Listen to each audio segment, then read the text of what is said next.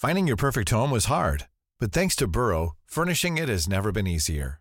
Burrow's easy to assemble modular sofas and sectionals are made from premium, durable materials, including stain and scratch resistant fabrics. So they're not just comfortable and stylish, they're built to last. Plus, every single Burrow order ships free right to your door. Right now, get 15% off your first order at burrow.com slash ACAST. That's 15% off at burrow.com slash ACAST.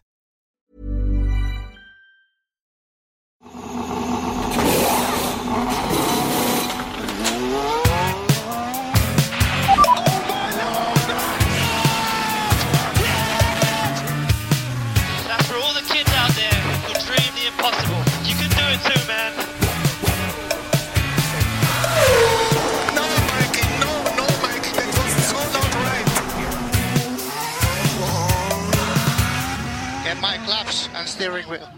Steering wheel, claps and steering wheel here. Hallå, plattan i mattan här. Filip Lindfors på ena sidan mikrofonen och eh, på andra sidan så är det Anna Andersson. Hallå där. Tjenixen!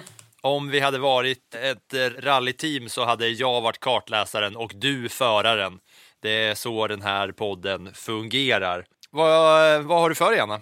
Ja, alla planer gick ju åt fanders för att regnet öser ner. Men eftersom jag har tillbringat hela helgen med idrott åt olika håll och kanter så gör det väl ingenting att man sitter inne och poddar. Jag själv kommer precis, bara för några minuter sedan, tillbaks från Sportbladets eh, interna golftävling mellan golfare och icke-golfare. Så vi har precis avslutat eh, en golfrunda tidigt på morgonen på nationaldagen här. Mm, och hur gick det? Där kom frågan som jag väntat på. Jo, det ska ni få höra. Det var ju, vi är ju några stycken som spelar golf, några stycken som inte spelar golf. Så de hade liksom teamat, eh, te, lagt in lagen i teams, så spelar vi scramble, 2 2.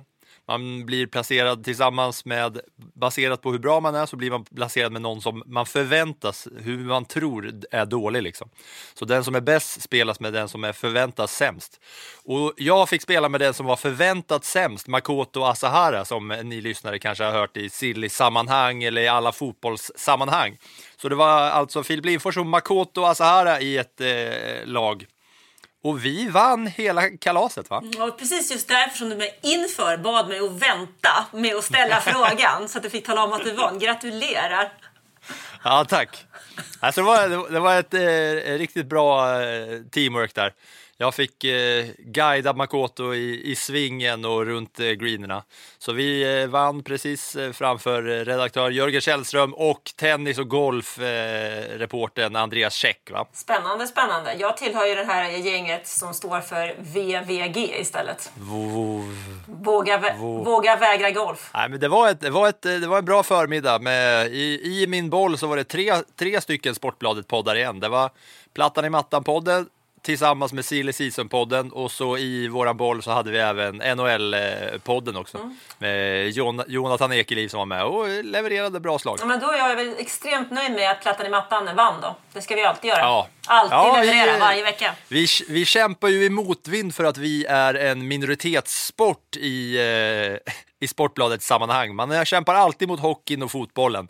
Men eh, tillsammans med er som lyssnar så är vi ju strong together va? Absolut, jag tycker att vi, Mm. vi eh, kämpar på bra. Det ser eh, förvånansvärt bra ut tycker jag, både för motorsport, vad vi får se på eh, första sidan på Sportbladet och eh, antalet nedladdningar, så vi hänger i. We Race as One hade de väl under eh, coronasäsongen va? Ja, det är väl fortfarande. We Race as One eller We Race Together eller något sånt. Ja, We Races Farm. Ja, det är riktigt Ja, men du eh, kör nu. lam PR. Du- ja, du, nu orkar du kör inte mer Du med- orkar inte med kackel. Du är så taggad på att snacka F1. Du har inte fått prata F1 med mig på en hel vecka. Nej, precis. Anna Andersson spricker av F1-entusiasm. Ja, så ska jag behöva- För att... Ska jag behöva prata golf? Det går ju inte. Nej, nej, du som, du som vågar ta ställning mot golf. Ja, du har inte fått kolla på, kolla på någon F1, men du har fått kolla på Indycar. Och det ska väl du så få berätta vad du har sett. Men det här avsnittet så har vi tänkt att vi kommer snacka upp Baku, som är nu på lördag den 12 juni är racet, men träningen drar ju redan igång på fredag, så när du lyssnar så är det ju redan igång med träning om två dagar, va? om du lyssnar på onsdagen när podden släpps. Så inför det här, när vi inte haft något race i ryggen, så tänkte vi att eh, förra veckan snackade vi lite om kontrakt eh, för vissa, vissa förare i vissa team. Vi pratade om eh, Ricardo bland annat och det som har hänt sen segern för Sergio Perez i eh, Red Bull är ju, ja, Perez seger i Monaco är ju att han har ju krutat på ett nytt avtal. Så då tänkte vi som så, vi har kommit en bit in i säsongen. Det har börjat liksom tisslas och tasslas lite om eh, förares kontrakt hit och dit och det spekuleras på eh, alla håll och alla kanter. Så vi tänkte att idag kör vi en genomgång av alla kontrakt. Vi kallar det kontraktskollen. Och då tänker jag så här, ska vi börja uppifrån, Anna?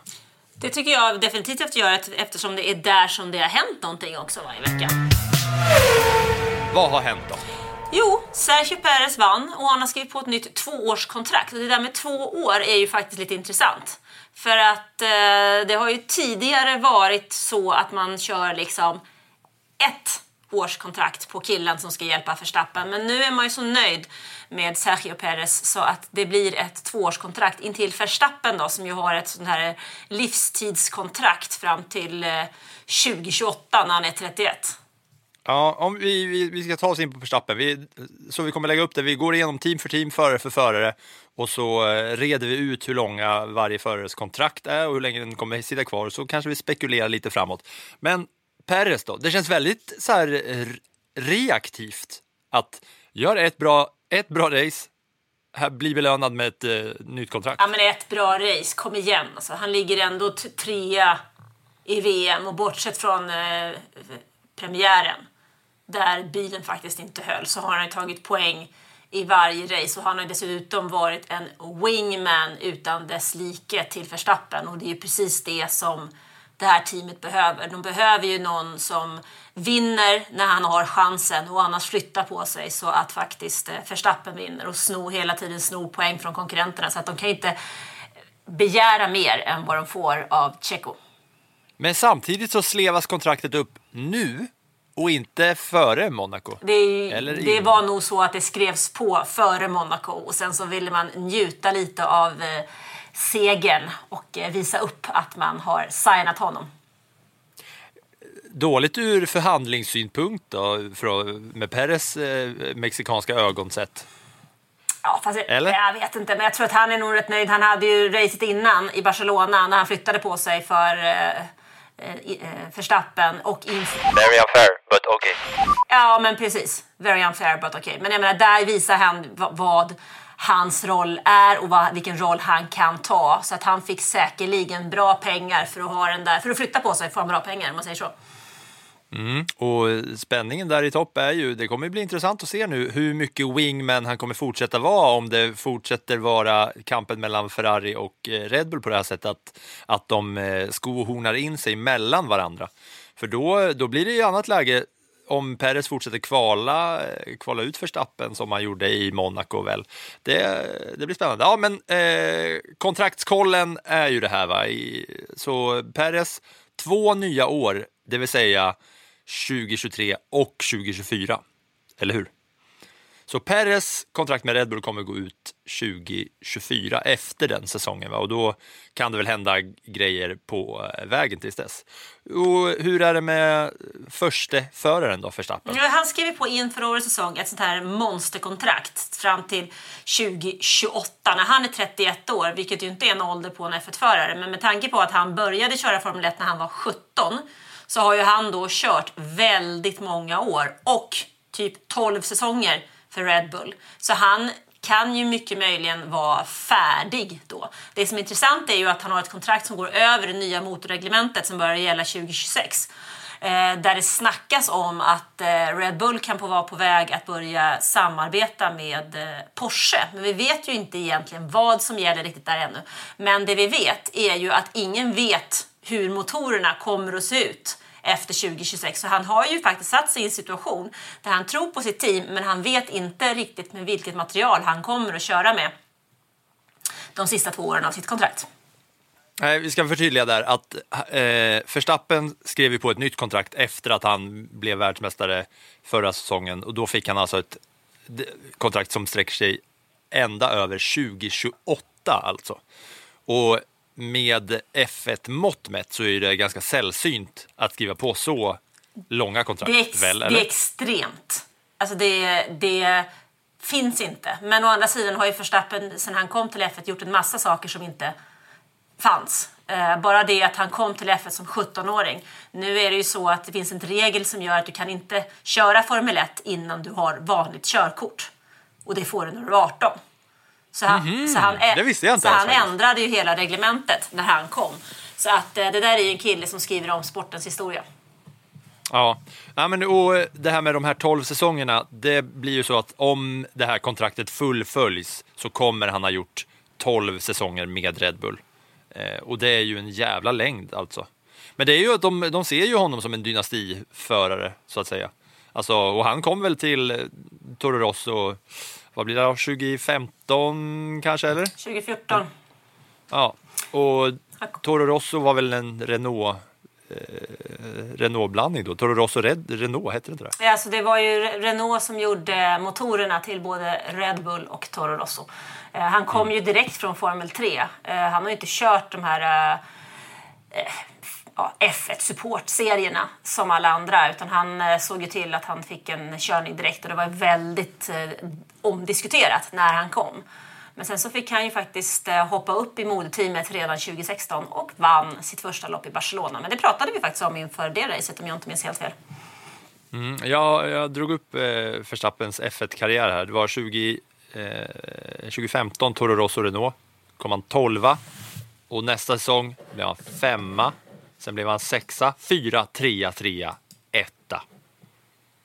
Det är ju, det är ju spikrak uppåt och, och som sagt, Red Bull har ju haft koll på honom sedan alltid typ. Och eh, att de, att de väljer att satsa på honom, det är ju inte baserat bara på förra säsongen, utan det är ju baserat på att de har ju haft koll på honom i alla år liksom, och vet exakt vad det, är de, vad det är de får med tanke på hur mycket, de, hur mycket de satsar. Och att det är som sagt så himla sällsynt med så långa kontrakt också i den här sporten. va? Ja, alltså men Max Verstappen är ju, är ju framtidens förare. Det har han ju varit sen han, sen han kritade på det där kontraktet eh, inför säsongen 2015. Så att eh, det är ju, och han är ju, numera är han ju Red Bull. Alltså de kommer ju inte släppa honom om det inte händer något extraordinärt. Nej, och som sagt då, kontrakt till 2028. Det är ju det är långt bort. Man tänker, vad fasen gör man själv 2028? Men han ska sitta där i Red Bull-bilen och gasa på varv efter varv. Ja, det är väl det han vill göra, är det inte det? Ja, och tjäna pesos. Det kommer han göra. Ja, ska vi ta oss vidare från eh, Red Bull till team, nästa team på listan här? Där har vi Ferrari, va? Mm. Det som jag kan tycka är intressant där, det är att de har två förare eh, vars kontrakt går ut samma år. När Charles Leclerc skrev på sitt kontrakt så skrev han det fram till 2024. Då tyckte man att det var ett långt kontrakt. Nu är det faktiskt bara två säsonger kvar. Carlos Sainz förlängde ju sitt kontrakt. Ja, nyss. Ja, det var ju inför den här säsongen som man förlängde. Och Ja. det, Och- kontraktet går också ut 2024. Så det är ju lite intressant för man vill ju helst inte ha två förare vars kontrakt går ut samtidigt. Nej, och det som hände med Sainz var ju att när, så fort han skrev på, det var ju då det blev, började spöka lite för honom. Allt, allt sket ju sig för honom ef- efter, efter att han skrev på det där kontraktet. Det var då det började gå dåligt och han körde av på första varven och, och klantade bort Ja, sig. det har väl kanske inte, det ena har väl kanske inte med det andra att göra. Eller? Tror du det? Nej, nej, nej, det har det väl inte. Vi har väl pratat om det där eh, tillräckligt många gånger nu med hur situationen är där mellan Leclerc och Sainz, vem som är etta och vem som är, vem som är tvåa. Men Sainz skrev ju på för Ferrari 2020 och sen förlängde han nu då 2022 eh, så att det sträcker sig till 2024. Men Leclerc, han är ju Ferraris kronprins. Han har ju gått i deras Ferrari Driver Academy och jobbat sig hela vägen upp. Han vann Formel 3 på första försöket, han vann Formel 2 på första försöket. Han kom till Formel 1 när han var teamkompis med Marcus Ericsson och han fick flytta därifrån vidare. till Ferrari och han vann race relativt omgående. Så att eh, det är ju... Leclerc är ju helt enkelt Ferraris... Vad för, Leclerc är för Ferrari vad Verstappen är för Red Bull. Ja, och då undrar jag nu med tanke på hur säsongen ser ut, eh, med tanke på att eh, Verstappen har gått den långa vägen och han är förknippad, han är liksom synonym med Red Bulls brand nu och hela deras F1 supersatsning. Så har ju Leclerc möjligheten då att kunna gå och bli samma om det är nu så att han skulle vinna mästerskapet. Tror du att de skulle sleva upp ett lika långt då inom citationstecken livstidskontrakt då för Leclerc på samma sätt som, som Red Bull har gjort? Att det är så pass eh, så pass värt ur ett PR-maskineri liksom, att eh, signa upp en sån kille som har gått hela vägen, liksom egen produkt och så vidare.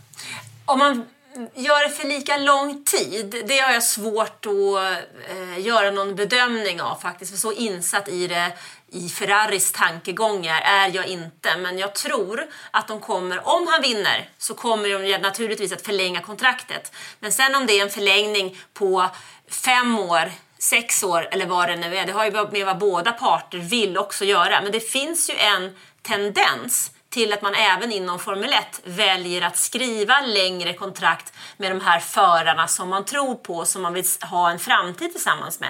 Det är ju, samma sätt har ju McLaren jobbat med Lando Norris. Ja, och vi ska ju komma till både McLaren och Mercedes här efter Ferrari, men jag tänkte fråga dig lite om eh, med Hamilton och så där som verkligen också är en dynastiförare eller som är förknippad och synonym.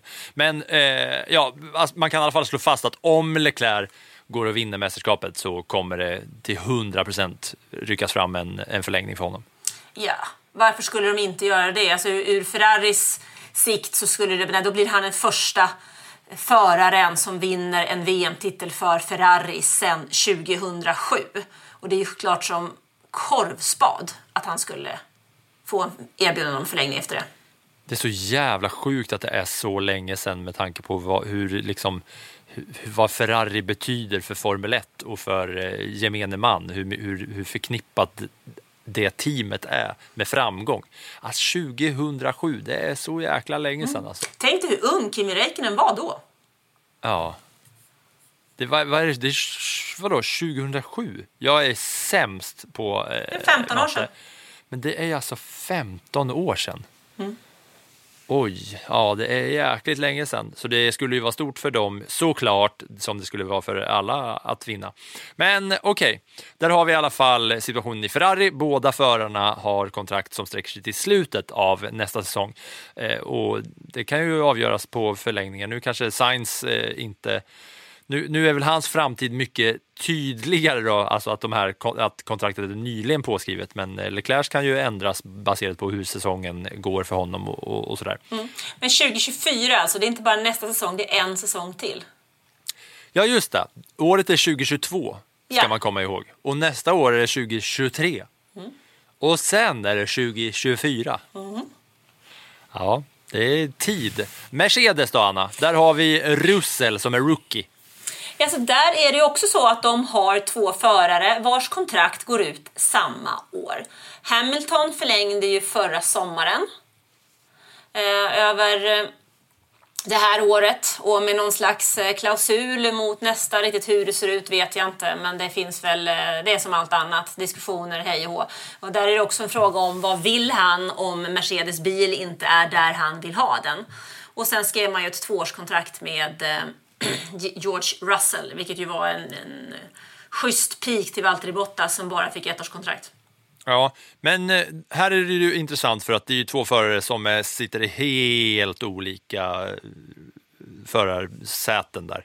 Alltså Russell som är eh, rookie och Hamilton som är legendar. Och båda två har en framtid som som inte är på pränt på, på, de är på pränt på samma sätt, liksom, att båda har kontrakt över den här säsongen och över nästa säsong. Eh, jag tycker det var lite roligt att jag läste igenom eh, lite gamla eh, nyheter och det, när Mercedes eh, annonsade att de hade signat Russell så hade de gjort det på ett long term contract. Då var det ändå bara över två säsonger som, som de valde det ordvalet, att det var på long, long, long term. Mm, Ja, men första året var- ju då med andra ord inget eh, prestationskrav på. Nej. Nej men Hamilton är ju, det är ju jätteintressant nu tycker jag med den här nya eran och nya bilen och där är ju också en sån som, som eh, är återigen då en dynastiförare som jag har råkat trilla in på att säga flera gånger här nu. Att eh, han är ju också superförknippad med det här teamet. Många, för, det var ju mycket spekulationer där efter, efter sista racet i Abu Dhabi, vad som skulle hända med honom. Skulle han slänga ratten i, i väggen eller skulle han eh, fortsätta? Men, men som det ser ut nu så, så vill han ju köra på. Ja, det har säkert att göra med hur, eh, hur säsongen går, hur bilen utvecklas och också lite grann med hur han själv känner och hur det där kontraktet är skrivet. Vi har ju ingen insyn i vilka klausuler som finns respektive inte finns. På många kontrakt så finns det ju både, finns det ju liksom åt två håll. Det är ju föraren som måste leverera vissa saker men teamet måste också leverera vissa saker. Det kan, det kan säger jag nu, och nu säger jag att, eh, verkligen att det kan Eh, eftersom jag inte har sett kontrakten. Men det kan hända att kontrakt är skrivna exempelvis så att en bil ska befinna sig på en viss position i mästerskapet för att kontrakten ska fortsätta gälla och annars har man möjlighet att gå vidare. Den typen av kontrakt har eh, Red Bull och Max Verstappen tidigare haft. Så att det har varit lite sådär på vippen att hur bra är bilen? Kommer han att stanna eller kommer han inte att stanna? Ligger han inom de positionerna som han måste göra inom inom den här gränsen då som finns för kontraktet. Så att det där är ju snårskogar och vi kommer ju aldrig att ha full insyn i hur de här kontrakten ser ut. Men det finns ju, Formel 1 är ju en prestationsbaserad sport. Så presterar du inte så finns det ju garanterat vägar ut. En sak som vi ändå kan slå fast utan att ha sett några kontrakt är väl att Hamilton är väl bäst betald av alla på hela griden va? Säkerligen, men det handlar ju också inte bara om vad han... Alltså han har ju vunnit sju VM-titlar, hallå. Men det handlar ju också om PR-kontrakt. Han är ju ett varumärke och inte bara en förare. Ja men, alltså han, ja, men så är det ju. Och han jobbar ju till exempel med Tommy Hilfiger. Eh, när vi pratar F1 eh, kontrakt så handlar och F1-löner så handlar det inte bara om vad teamet pyntar. Utan det kan ju finnas en massa andra varianter med betalningar från sponsorer för att eh, ja, olika lösningar helt enkelt. Så att eh, pengar det tjänar han, det kan vi i alla fall säga. Eh, Russell då? Tror vi att eh, Tror vi att hans eh, kontrakt bara kommer att ta slut och han drar vidare efter 2023 eller? eh, Ja, mycket svårt att tänka mig. Det är också en förare som har funnits med i, hos Mercedes väldigt länge. Även när han körde för Williams så var han ju Mercedes-förare. Det är ju en förare som har gått liksom i Mercedes skola, precis som Charles Leclerc då, som vi pratade om har gått i Ferraris skola. Så att eh, Russell är ju från Mercedes sida en framtida eh, mästarkandidat. Det är därför man valt att satsa på honom. Så att, eh, det kan mycket väl bli ett längre kontrakt där också. Med tanke på hur han har kört i år så finns det ingen anledning för dem att eh, göra något annat än att fortsätta satsa på killen. Samma bil som Hamilton men bättre placeringar gång på gång på gång på gång. Ja men så är det ju. Alltså, herregud, han gjorde väl sitt första F1-test typ, eller så var för, testförare för Mercedes första gången för en fem år sedan. Något sånt där. Så han har ju hela tiden funnits med och de har ju byggt upp honom. Och han var lite besviken över att han fick köra så länge för Williams. Men det fanns ju en anledning till det. Nu har vi snackat om toppteamen, nu tar vi oss vidare till the rest. Mittfältet. Får man eh, klumpa in McLaren till mittfältet eller? Ja, det tycker jag väl. Eh, Då, då, eh, då kan jag meddela att Norris kontrakt sträcker sig till slutet av 2025. Ganska långt i jämförelse med resten av griden. Och Ricciardo då, som vi har varit inne på, slutet av 2023. Och där har jag skrivit så här i mina små anteckningar. Han ryker väl efter den här säsongen, va? Ja, det beror på. Vi har ju inte kommit så långt in i säsongen än så vi ens kan kalla den för halva. Men eh, tittar man på hur han har presterat så är han ju frånåkt av Norris. Oavsett om Norris har eh, halsfluss eller inte så är han ju betydligt bättre. Och ett team som McLaren har ju inte råd att ha en förare som tar, tar massor med poäng och en som inte tar något. Och det har ju i och för sig inget team råd med att det är sån skillnad på de två förarna. Men i det här fallet så är ju ändå Ricciardo en välbetald förare. Det är en förare som har kört hem race-segrar. Det är en meriterad kille och han borde prestera betydligt bättre. Sen sa jag väl Zac Brown var det väl inför senast då eh, i förra veckan var det väl som han sa att det finns ju i det här kontraktet naturligtvis saker som de ska prestera men även som Ricciardo ska prestera. Så där tror jag är, precis som du säger, han ryker väl. Ja, det är väl nog en av de positionerna som vi kommer att diskutera väldigt mycket här de kommande månaderna, tror jag. Det tycker jag ska bli väldigt, väldigt kul. Ja, Inte för är att ju... jag är trött på, på Ricciardo, jag tycker ändå han livar upp eh, under racehelgen när man ser hans intervjuer. Han är lite, liksom, han, är- han är lite frispråkig och lite skön och charmig och framförallt i Drive to Survive så är han ju en, en publikfavorit verkligen av de som har kommit in till F1-sporten via den vägen. Men eh, i ett sånt team så går det ju inte att fortsätta vara på de positionerna som, som han är. Och då undrar jag, eh, Eh, ska vi, ska vi liksom spekulera i vad som kan hända där om han eh, drar eller? Har du någon eh, on top of your head? Så här? Ja, on top of my head så tänker jag ju på Oscar Piastri. ehm, som visserligen är alpinförare. Men alpin, som vi säkerligen kommer att diskutera alldeles strax. De Det är har- nästa team på, på eh, tur här. Ja, precis. Men det som kan vara intressant med Piastri där, det är ju att om alpin inte har plats för honom så har ju inte han råd att vänta på avbytarbänken en säsong till. Han har ju inte fått köra Formel 2 i år eftersom han vann den förra året. Det som hade varit jävligt roligt om Piastri hade kommit in är ju att det är en australiensare ut och en annan australiensare in. Ja, så kan det vara. Då behåller de ju ändå sitt eh, stöd down under ändå. Samma, samma team där. Men det vet man ju inte, för det där är ju också en sån sak. Det har ju att göra med, han är ju som sagt eh, alpinförare och det har ju lite att göra med vad som händer i det teamet. För där finns det ju också intressanta saker. Sen har vi ju nästa sak. McLaren har ju team även i Indycar. Skulle man fundera över att plocka över, där har det ju hänt en del. Där har ju Alexander Rossi till exempel skrivit på för McLaren i Indycar. Eh, där har man Pat Award. Har man funderat på att flytta honom från Indycar till Formel 1? Det är ju inte helt vanligt att man gör de rokaderna inom eh, eh, racingen, men möjligheten finns. Felix Rosenqvist sitter i det teamet och han har inget kontrakt till nästa år. Så att, eh, det där är öppet för spekulationer över racinggränserna kan vi väl säga. Mm. Pato Award, han är från Mexiko va? Pat, Pat, så man tänker att det, det låter så himla amerikanskt och särskilt när man kör i Indycar tänker man att det är en jänkare egentligen, Pat O'Ward. Han heter ju Patricio egentligen va? Pato. Ja, det blir ju spännande att se vad som händer där i McLaren och det är ju extra lite extra eh, spänning i och med att vi har eh, Rosenqvist som kör för McLaren också. Det är en liten extra nerv där tycker jag. Men eh, vi tar oss vidare till alpin då via Piastri, som du sa, Piastri som eh, australiensare, född typ 2001 väl, ung som satan. Han är så ung så jag vågar inte ens tänka på hur ung han är. Men du, innan vi tar alpin där bara, om vi hänger kvar på Piastri. Eh, du sa han, han tillhör alpin och det är ju det där med att det är inte bara Eh, teamen som är liksom namnen, alltså Mercedes är Mercedes, men de har ändå Williams som en del och Alfa Tauri är en del av Red Bull.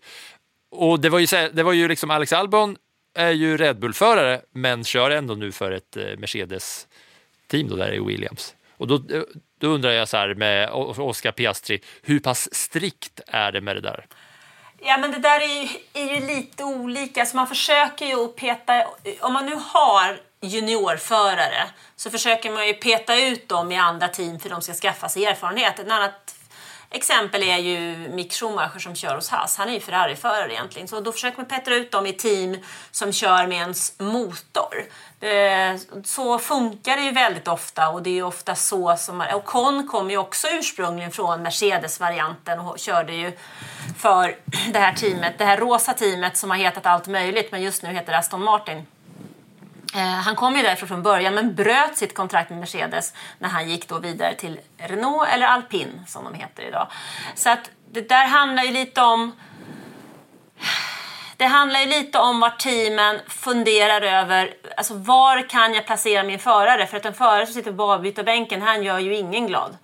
Nej, men jag menar, om man är, så, om man är sån talangförare då för, för, för ett team, är man liksom eh, signed for life eller betalas det liksom övergångssummor för att man ska liksom byta? Att om man har varit en Red Bull-förare och sen då ska hamna i ett av Mercedes-teamen, är det ens möjligt? Liksom? Alltså det är ju möjligt, men den är ju väldigt, alltså den här varianten med eh, Albon är ju väldigt kontroversiell och väldigt eh, ovanlig. Eh, ofta, Ja. ofta så är det så att man flyttar ut dem till det teamet, alltså det blir en del av motordealen. Liksom. Man köper en motor och får en förare, så ja, löser vi det. Ja, vi, är, vi känner att vi nosar på, vi, vi breder ut våra vingar här och målar med bredare penseldrag än vad tanken var. Men om vi nosar in igen då och kör team för team, ska vi se hur länge vi kan hålla oss till det. Alpin, där är det konkret, Alonsos kontrakt går ut i slutet av den här säsongen. Ocon har ett kontrakt som går ut slutet av 2024. Mm. Och där är det frågan om säkerligen lite grann vad Alonso vill. Ja, det är ju han som är det mest intressanta. Det känns ju som att Ocon kommer fortsätta köra där va? Ja, um, Ocon har ju sitt kontrakt, han kommer ju säkert fortsätta föra. Men vad betyder liksom, vad vill Alonso göra? Jo, han vill ju vinna, han gillar att köra Formel 1. Ehm, men frågan är ju, killen är född 81. Han är också plus 40 liksom. Hur länge kan han köra och hur... Han är äldst av alla förarna på griden just nu. Hur länge vill han köra? Hur länge tillåter teamet honom att köra? Och han behöver ju också nu plocka poäng liksom för att han ska visa eh, att han hör till Formel 1. För att han, som jag sa, det var ju eh, för någon vecka sedan, sen som han pratade om att han faktiskt vill gärna vill köra ett eller två år till i F1. Men eh, det handlar ju om teamet där också. Alonso och Ricciardo är ju av de vi har pratat om hittills som det kommer pratas mest om när säsongen, ja, ju längre säsongen går va, och man ser hur resultaten, vilken väg det lutar åt. Va. Det känns som att mot slutet av säsongen kommer det snackas väldigt mycket om Alonso och Ricciardo innan det är något konkret där vad som, vad som händer mellan de två. Eh, ja, och Con väl inte så jävla mycket att säga. Det är en fransk förare, fransk team. Kontraktet är till eh, 2024 så det är ett, ett tag kvar där. Eh, Oscar Piastri skulle ju kunna vara så om det, är, om det är så att Alonso sticker, att de, eh, de plockar upp Piastri. För då är det ju inga, då är det inga krångel överhuvudtaget, eller hur? Då är det bara Nej. pang bom in med honom. Nej, det finns ju något annat intressant där. Eh, Du sa fransk förare, fra- franskt team. Vi har ju en annan fransk förare på griden också, vars kontrakt går ut. Och dit kommer vi komma när vi kommer till Alfa Tauri. För Men de, han, kan, eh, ju, de han två, kan faktiskt vara aktuell för sånt team också, som alpin. på grund av sin franska nationalitet. Ja, och sina resultat. Ja, såklart va. Men det, eh, det är en bit eh, kvar dit. Det är många team som börjar på A ser jag här nu när nästa team är Alfa Romeo på min lista. Ryan Reynolds here from Mint Mobile. With the price of just about everything going up during inflation, we thought we'd bring our prices down. So to help us, we brought in a reverse auctioneer, which is apparently a thing. Mint Mobile unlimited premium wireless. Ready to get 30, 30, bit to get 30, bit to get 20, 20, 20, bit to get 20, 20, bit to get 15, 15, 15, 15 just 15 bucks a month. So, Give it a try at mintmobile.com slash switch. $45 up front for three months plus taxes and fees. Promo rate for new customers for limited time. Unlimited more than 40 gigabytes per month. Slows. Full terms at mintmobile.com.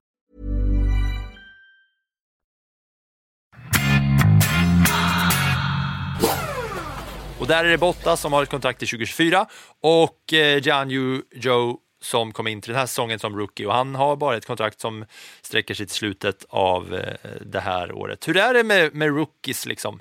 Eh, han kom in på ett, eh, ja, som rookie, jag säger rookie-kontrakt då, även fast det kanske inte heter rookie-kontrakt, men han kommer in och har ett, eh, en säsong bara med, med det här teamet. Nej, den där typ, vid den där typen av förare så är det ju ofta så att du har en säsong och sen har du en sponsor som betalar för en säsong. Eh, Formel 1, inom Formel 1 så har ju alla förare på något sätt med sig kapital och sponsorer. Så även Joe. Joe. Så att sen är ju frågan eh, vad han presterar och presterar har han ju icke gjort i år överhuvudtaget. Ehm, en pinne än så länge. Han, Bottas har ju fullständigt krossat honom. Och, Ja, Bottas har ju motsvarat eh, förväntningarna och massor mer därtill och då, är ju, då är ju frågan vad... Eh, för det här är ju också ett team som sitter med en väldigt intressant eh, förare i Saubers ungdomssatsning. En förare som Fredrik Vassör som är teamchef För eh, Alfa Romeo är väldigt, väldigt insatt i hans karriär. Och han heter Theo Pourchaire. Han är 19 och är väl, anses vara en framtida talang. Eh, så att, och han kör Formel 2. Så det kan ju vara så att man ser någonting annat där vid sidan av de checkar som kinesen Joe för med sig. De kinesiska checkarna Joe kör på. Ja, eh, det är ju intressant. Där. Men Bottas är det inget att snacka om. Men eh, ja, 2022 Eh, är alltså efter den här säsongen så är eh, kontraktet slut för show. Ja, alltså, nu när jag sa att det kommer nog snackas mycket om Alonso och Ricciardo så börjar jag inse här att fan, det är ganska många som, eh, som det kommer snackas om mot slutet av den här säsongen för att det är en bunt förare som har kontrakt som sträcker sig till 2022 bara. Var på Aston Martin är nästa team där båda förarna har kontrakt som slutar 2022. Mm. Men du behöver ju inte ens tänka på att det är slutet av säsongen. Det här kommer börja snackas om i juli. Och vi är snart där, för nu är det juni. Mm. Så du kan bara prata hur mycket du vill. Ah, kul! Och jag ser väldigt mycket fram emot när det ska börja tisslas och tasslas och spekuleras och, och placeras ut strategiska eh, liksom, krokar här och där för att förarna ska kunna eh, snika till sig de eh, bästa platserna. Mm. Men eh, det okej att lämna Alfa Romeo för Aston Martin? Eller? Absolut, det, det, tycker mm. jag definitivt att vi gör. Och där har vi Vettel. Eh, och där har faktiskt Aston Martin och din favorit Micke Krack eh, mm, bästa namnet i sportvärlden. Han har ju gjort, eh, jag såg faktiskt en... en eh, Ett annat bra namn i sportvärlden är Pia Fink som jag tror kör eh, skidskytte eller längdskidor. Pia Fink och Micke Krack, det är två av mina favoriter. Jag gillar Timo Boll. Ja, Timo Boll, det, det sitter jävligt bra. Mm. Eh, men du, Sebastian Vettel. Pingisspelare, ja. Ja, Sebastian Vettel är inte pingisspelare, men Timo Nej, Boll är. Timo Boll, men legendar. Båda, båda två är tyskar. Ja. men den eh, Luxemburg, luxemburgianska, vad säger man? Teamchefen ja. från Luxemburg, Micke Krack. Ja, han, Luxemburgaren. Luxemburgaren. Han gjorde i alla fall en längre intervju med eh, RTL som jag såg på Youtube här för någon dag sedan. Eh, där han hyllar Fettel för hans kompetens, sättet som han lyckas eh, arbeta med teamet, hans engagemang, hur han är med och utvecklar bilen och menar på att så engagerar man sig inte om man är en förare som vill lämna F1. Vettel vill uppåt och Aston Martin är supernöjda med honom. Så de, eh, han antydde i alla fall i den här intervjun med tyska RTL att han var intresserad av att förlänga kontraktet med Sebastian och skulle börja diskutera snart. Så att, eh, från Aston Martins sida så är det nog så att man eh, är sugna på förlängning. Mm, eh, ja, hans kontrakt går ju som sagt ut slutet av den här säsongen. Jag börjar tänka nu här, Azerbajdzjan är ju racet kommande helg. Fan var det inte så att Vettel eh, var på pallen eh, förra året, var där på podiet? Visst du. Och han har ju liksom lovat att om han tar en pallplats till så ska han dessutom låta skägget växa. Så då kommer det inte bara håret som står ut åt alla håll. Mm -hmm. Kul, det, det vill man gärna se. Det kan, kan bli jobbigt i hjälmen dock, säger jag som ofta har skägg som jag låter växa ut. Det, kan vara jobbigt bara i, en sån racinghjälm, om det är lite jobbigt i vanliga fall bara. Ja, och sen är det ju då eh, pappas lilla pojke Lance Stroll, Lawrence och Lance va. Och det funderar jag mycket på. Hur, hur är det? Hur, alltså för han kör ju inte så bra va? Han är ju inte så bra på att köra bil. Nej, det kan vi väl enas om? Va? Nej, men det är väl så att så länge pappa tycker att han är bra på att köra bil så är det pappa som betalar. Det handlar ju om när man kommer i det läget när pappa inser att det här räcker inte. Att vi har sett eh, den typen av föräldrar som coachar sina barn ser man ju i alla idrotter eh, på ett visst sätt. Där det brukar vara egentligen precis tvärtom, att man är betydligt tuffare mot sin egen unge. Men vissa ja, är ju men... tvärtom. Men i det här fallet så funderar jag så här, alltså hur länge är det värt det? Borde det inte vara värt mer? Alltså, han gör väl för, alltså, han gör väl gissningsvis inte det här bara på grund av kärlek till sin son, utan det måste ju finnas eh, ekonomiska grunder på något sätt också. Det kan ju inte vara bara så att på den här nivån att man gör det för att sonen ska få leka med, med bilar. Liksom. Borde han inte tjäna mer på att ha en förare som faktiskt kan köra bil och ge dem bra placeringar så att teamet eh, plockar poäng och kommer högt i konstruktörsmästerskapen än att på ha sin lilla grabb köra bilen? Liksom? Jo, det borde han, tycker du och jag. Men vi kanske har genomskinliga glasögon. Han har nog väldigt strollade glasögon. Strollade glasögon, är det någonting? Kan det vara så? Strollade, finns det? Eller? Ja, ordet finns nog inte, men du vet väl hur många ord jag hittar på varje dag? Ja, mm. Va varje dag. Anna Andersson går omkring i Ystad och hittar på ord. Eh, ja, det, jag- det jag kan tänka åt andra hållet är ju att det kanske då med Lawrence eh, pappa-pengaögon, eh, att, att sonen som Formel 1-förare får massa personliga sponsordeals och pengar in på så sätt att det in i familjekassan kommer totalt sett mer pengar att ha en son som är F1-förare som inte tar poäng än att inte ha en son som kör F1. Alltså de vill ju ha... Aston Martin vill ju upp och de vill ju framåt. Men de har ju inte haft en bil som har lyckats med det under den här säsongen. Men de har ju väldigt höga målsättningar. Eh, förhoppningen är väl att Vettel ska kunna vara med och utveckla den där bilen och att eh, Lance då är så pass bra på att köra den så han kan ta den vidare. Men sen är frågan hur långt tålamod har man och hur länge? Det är ju alltid så när du har, när du har en, en personlig ägare av ett F1-team. Hur länge tycker han att det är roligt? När vill han göra Ja, något de är ju annat? alltid opålitliga och det vet du vad som hände med när det var, eh, hette det, vad fan, nu får jag hjärnsläpp här, Racing India. Ja, men det är det. Ja, Ra- Force Force, India. India. Racing Point. Det var, Ja. samma, det var det teamet han köpte. Så att, ehm, och ingenting är ju... Alltså, allting är ju till salu. Frågan är ju bara om priset är rätt. Så att eh, det kan ju också hänga ihop där rätt mycket med att pappa Stroll vill ju ha in pengar för sitt team och klarar de av att få in de pengarna genom att leverera på banan så tycker han säkert att det är kul. Får de inte det så är frågan hur länge han tycker att det är kul och sen får man ju se vad man tar vägen sen. Ja, för Lawrence, eh, eller för Lance Stroll har ju inte en chans att få ett kontrakt någon annanstans liksom. Alltså utan pappas pengar. Nej, nej, men pappa har ju betalat. Pappa betalade ju när Lance körde för Williams också. Eh, ja, båda de här kontrakten går ju ut eh, i slutet av den här säsongen. Eh, resultatmässigt så är ju Vettel eh, alltid bättre i princip. Och eh, det känns ju inte som att det kommer spela någon roll hur eh, bra eller dåligt Lance Stroll kör. Det känns, som att, känns inte som att det kommer påverka jättemycket hans framtid utan det är mer liksom pappas feeling. Ja, det är andra saker runt omkring. Men det är ju å andra sidan inte bara för honom det är så, utan eh, så är det för väldigt, väldigt många F1-förare.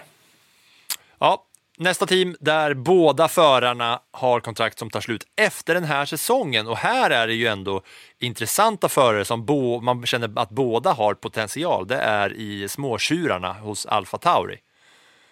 Och där är det både Pierre Gasly och Yuki Tsunoda som har kontrakt som tar slut 2022. Där handlar det väldigt mycket om vad Christian Horner och framförallt Helmut Marko som är motorsportkonsult, men han chefar ju för eh, Red Bulls juniorförare. Så det handlar ju om vad han, Helmut Marko i samråd med eh, Frans Toss som är teamchef i det där stallet vill göra och eh, vad Christian Horner gärna vill ha.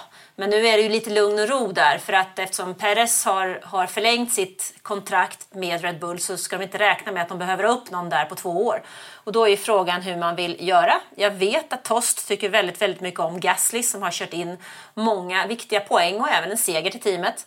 Och sen är frågan om ger man Sonoda ytterligare en säsong? Ja, det beror väl lite, kanske lite på hur det ser ut i eh, mästerskapet där. Än så länge har ju faktiskt han plockat fler poäng än Gasly. Och eh, vägen till Red Bull är ju nu, alltså till stor, stortjurarna, är ju ointaglig. Ja, den är- för de här, den- för de den här är- båda. Det är kört liksom. Ja, den är stängd. Den är stängd i alla fall fram till dess att eh, Sergio Perez kontrakt går ut. Om det nu inte händer något annat som gör att Perez blir oförmögen att köra. Och det får vi inte Ja. hoppas. Nej, det kommer ju absolut inte ske. Så om inte de här två eh, förlänger med Alfa Tauri så eh, kommer ju de behöva se sig omkring i F1 efter nya kontrakt där på alla öppningar som finns, för båda är ju unga. Ja, och då handlar det om lite grann vad, vad har vi som kommer bakom från Red Bulls sida. Det är ju nästa liksom, diskussion. Vad har de som kommer bakom? Är det någonting där som de vill ta upp och titta på och testa? Då kan det bli en, en eh, förändring i föruppsättningen. Eller om det är så att Gasly får chansen hos Alpin eller hos McLaren. Om det skulle vara dubbelfranskt i det franska teamet skulle ju vara ett eh, liksom, ja, nu är ju Alonso är ju en ikon på sitt sätt, men kanske liksom det franska patriotismen skulle höjas en aning i eh, alpinteamet. Ja, det är inte omöjligt. Samtidigt är det ju faktiskt så att Alonso är den senaste världsmästaren för Renault. Och det är fortfarande så att eh, Alpin är ju ett Renault. Team Alpin är ju en del av, av Renaults eh, alltså deras sportbilar. Mm. Återigen så känner jag fan vad kul det ska bli när det börjar, eh, när det börjar liksom braka loss med alla de här kontrakten.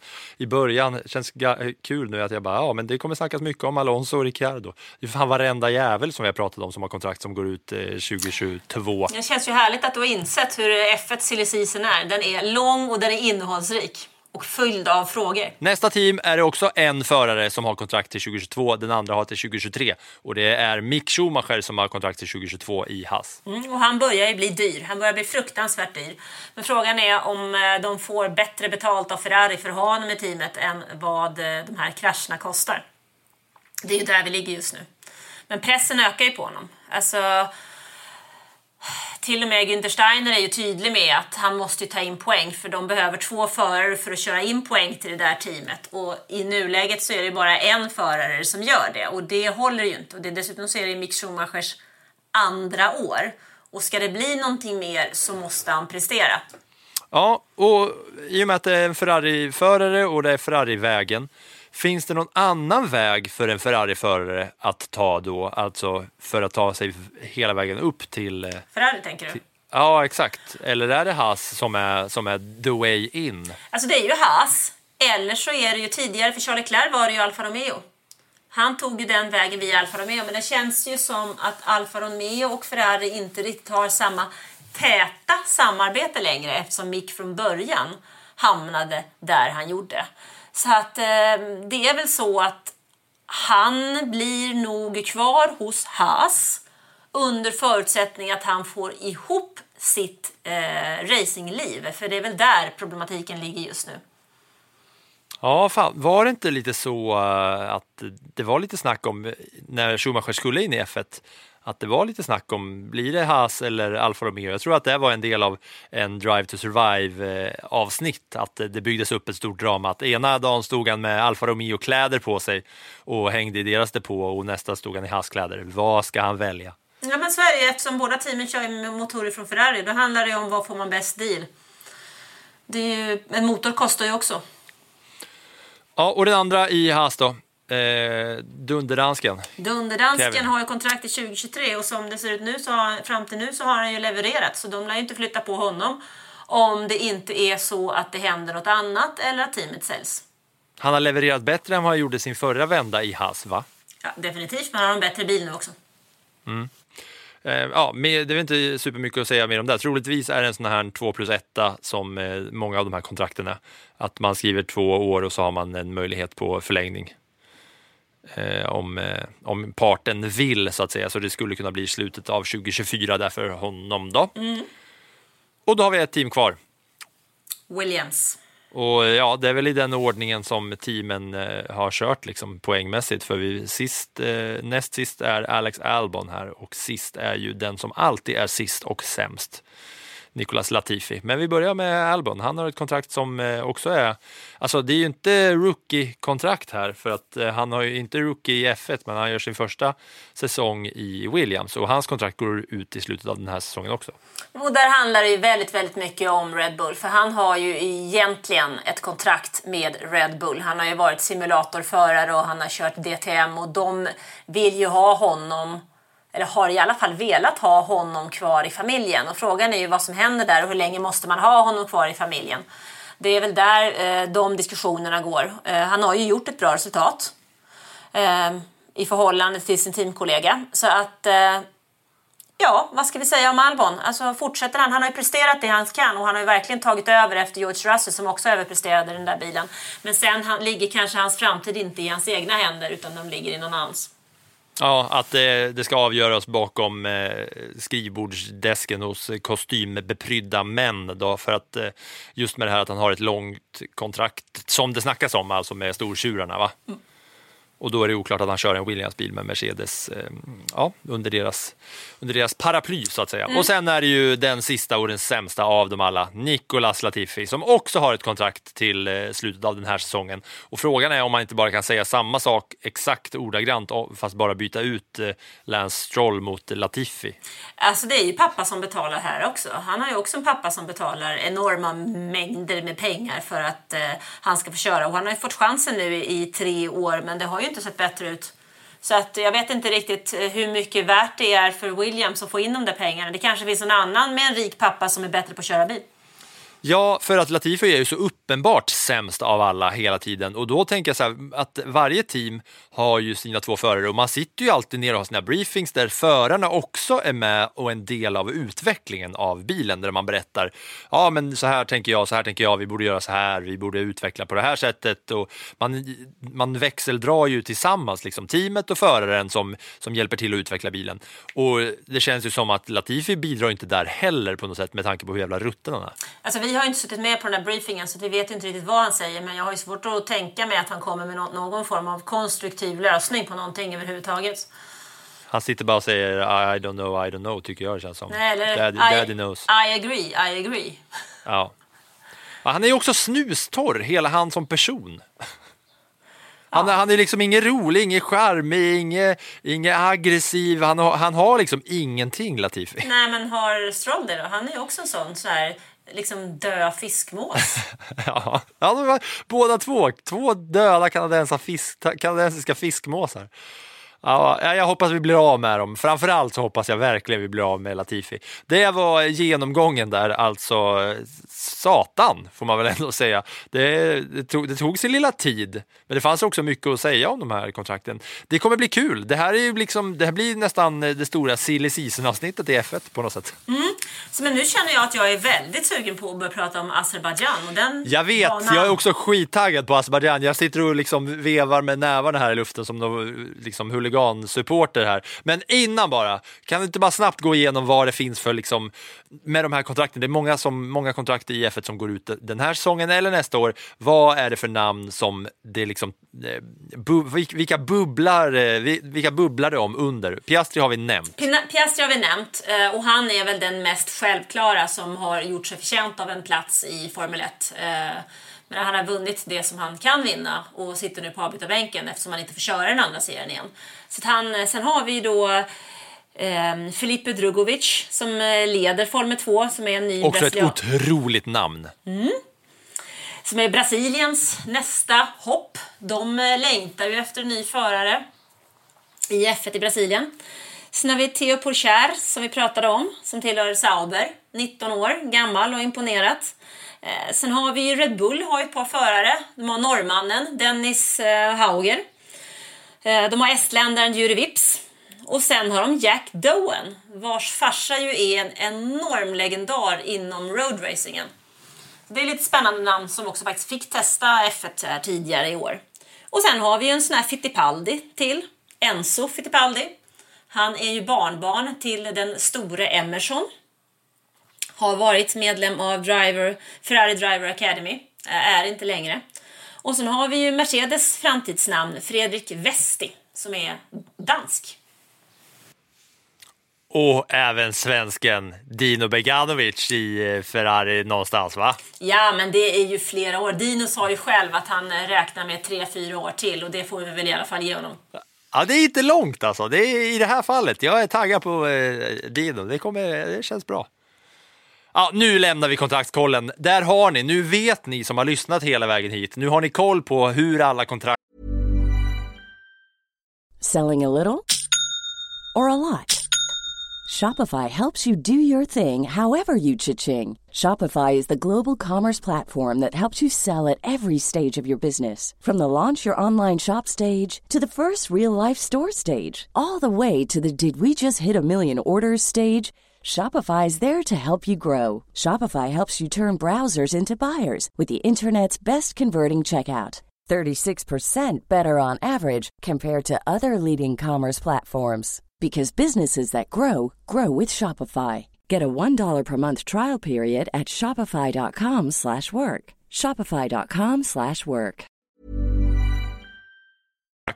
är upplagda och hur länge varje förare förväntas vara kvar i respektive team. Ska vi snacka upp Azerbajdzjan någon jävla gång? Ja, eller? ja, ja, ja, ja, ja, ja, ja, ja, ja. Vi har en stadsbana, men väldigt annorlunda stadsbana mot den vi fick se i Monaco för ett par veckor sedan. Den här är 6 kilometer lång, 51 varv och den har en raksträcka som är 2,2 kilometer lång. Bara för att jämföra 2,2. det med, ja det är jäkligt långt den dunderraksträckan. Det, om man jämför med, med Barcelona då, nu säger jag utan att kolla här, var den 1,4 raksträckan där kanske? Men alltså 2,2 kilometer, det är ju typ ett Cooper-test. Det är ju sjukt långt, det tar ju aldrig slut. Och man andas och man flåsar och man dör ju på upploppet. Och där kommer det gå undan då på den raksträckan? Yes, 350 knyck, cirkus.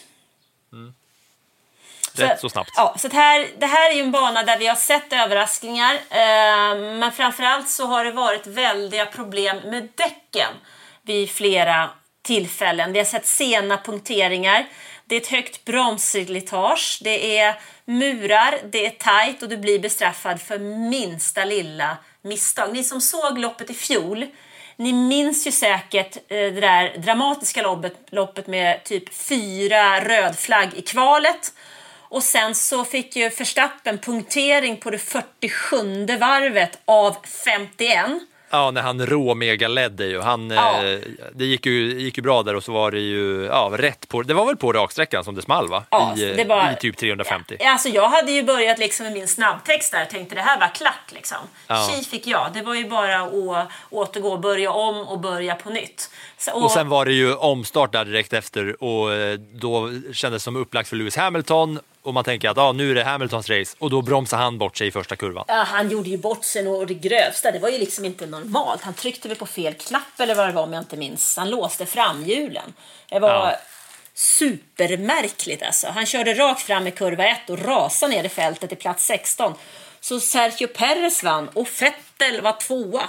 Just det, det var tvåa och Gasly trea. Ja, det var ju en helt galet race liksom. Så att man var glad att man såg alla 51 varven och inte la av efter 47. Ja, det känns långt bort en, ett podium med Perez, Vettel och Gasly alltså. Det känns ganska osannolikt att det skulle kunna hända. Men vi är Formel 1, allt kan hända. Så det känns som att vi kan få eh, kul action i Azerbajdzjan på stadsbanan. Tidigare vinnare Sergio Perez som vi sa.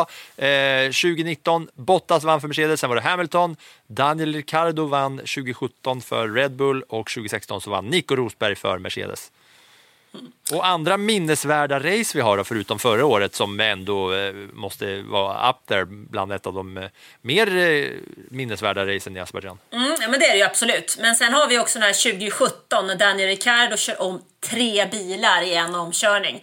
Han eh, körde om Filip Massa, Nico Hülkenberg och Lance Stroll i kurva 1 och gick från plats 6 till plats 3 och la grunden för sin seger där. Det var ju verkligen någonting att Eh, minnas. Eh, och det där eh, tror jag att jag har lagt på bloggen i veckan. Om ni vill se den omkörningen så kan ni in och kika där på något av veckans inlägg. Jag minns inte riktigt vilket jag la det i. Men sen har vi också faktiskt en Formel 2-race där som jag minns. Det var Charles Leclerc bara några dagar efter det att hans pappa hade gått bort. Han var väldigt sjuk under en lång period. Men eh, Leclerc tog pole position, snabbaste varvet och sen vann han feature-racet. Och så gjorde han en helt galen uppkörning efter omvänd startordning i sprintracet men, eh, och var först i mål. Men sen så fick han en bestraffning för att han inte hade eh, saktat ner under gul flagg. Men det är något sånt där som man minns och det kändes som att det var där som en stjärna verkligen föddes. Och sen tog han faktiskt poäng i sin, sina första F1-poäng på samma bana när han körde för Alfa Romeo. Och sen så minns vi väl 2018 också va? När Bottas var på väg mot segern och fick punktering fem varv från mål. Och då var det tack och adjö. Och Lewis Hamilton sa också tack tack. Det är klart att han gjorde det. poäng. Det är klart han gjorde det.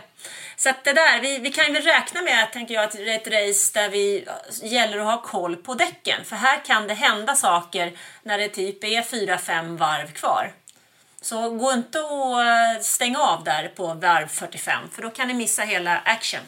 Mm, och man känner sig extra taggad nu för att det inte har varit något race i helgen. Man har lite abstinens, men som sagt, om du lyssnar på det här samma dag som podden kommer så är det onsdag. Sen är det bara torsdag, sen är det fredag och då börjar träningen. Va? Och, eh, träning, träning, träning, kval och race. Mm, och- det ska bli väldigt kul. Jag noterar nu att racet faktiskt är klockan 13 våran tid på söndag och inte 15 som vanligt. För då har ni missat allting när ni slår på. Ska vi eh, bara snabbt eh, toucha, eller tuscha vid eh, uppföljning kring eh, Marcus Eriksson eh, och eh, Indycar efter hans eh, superseger i Indy 500 så eh, kördes det ju race i söndags.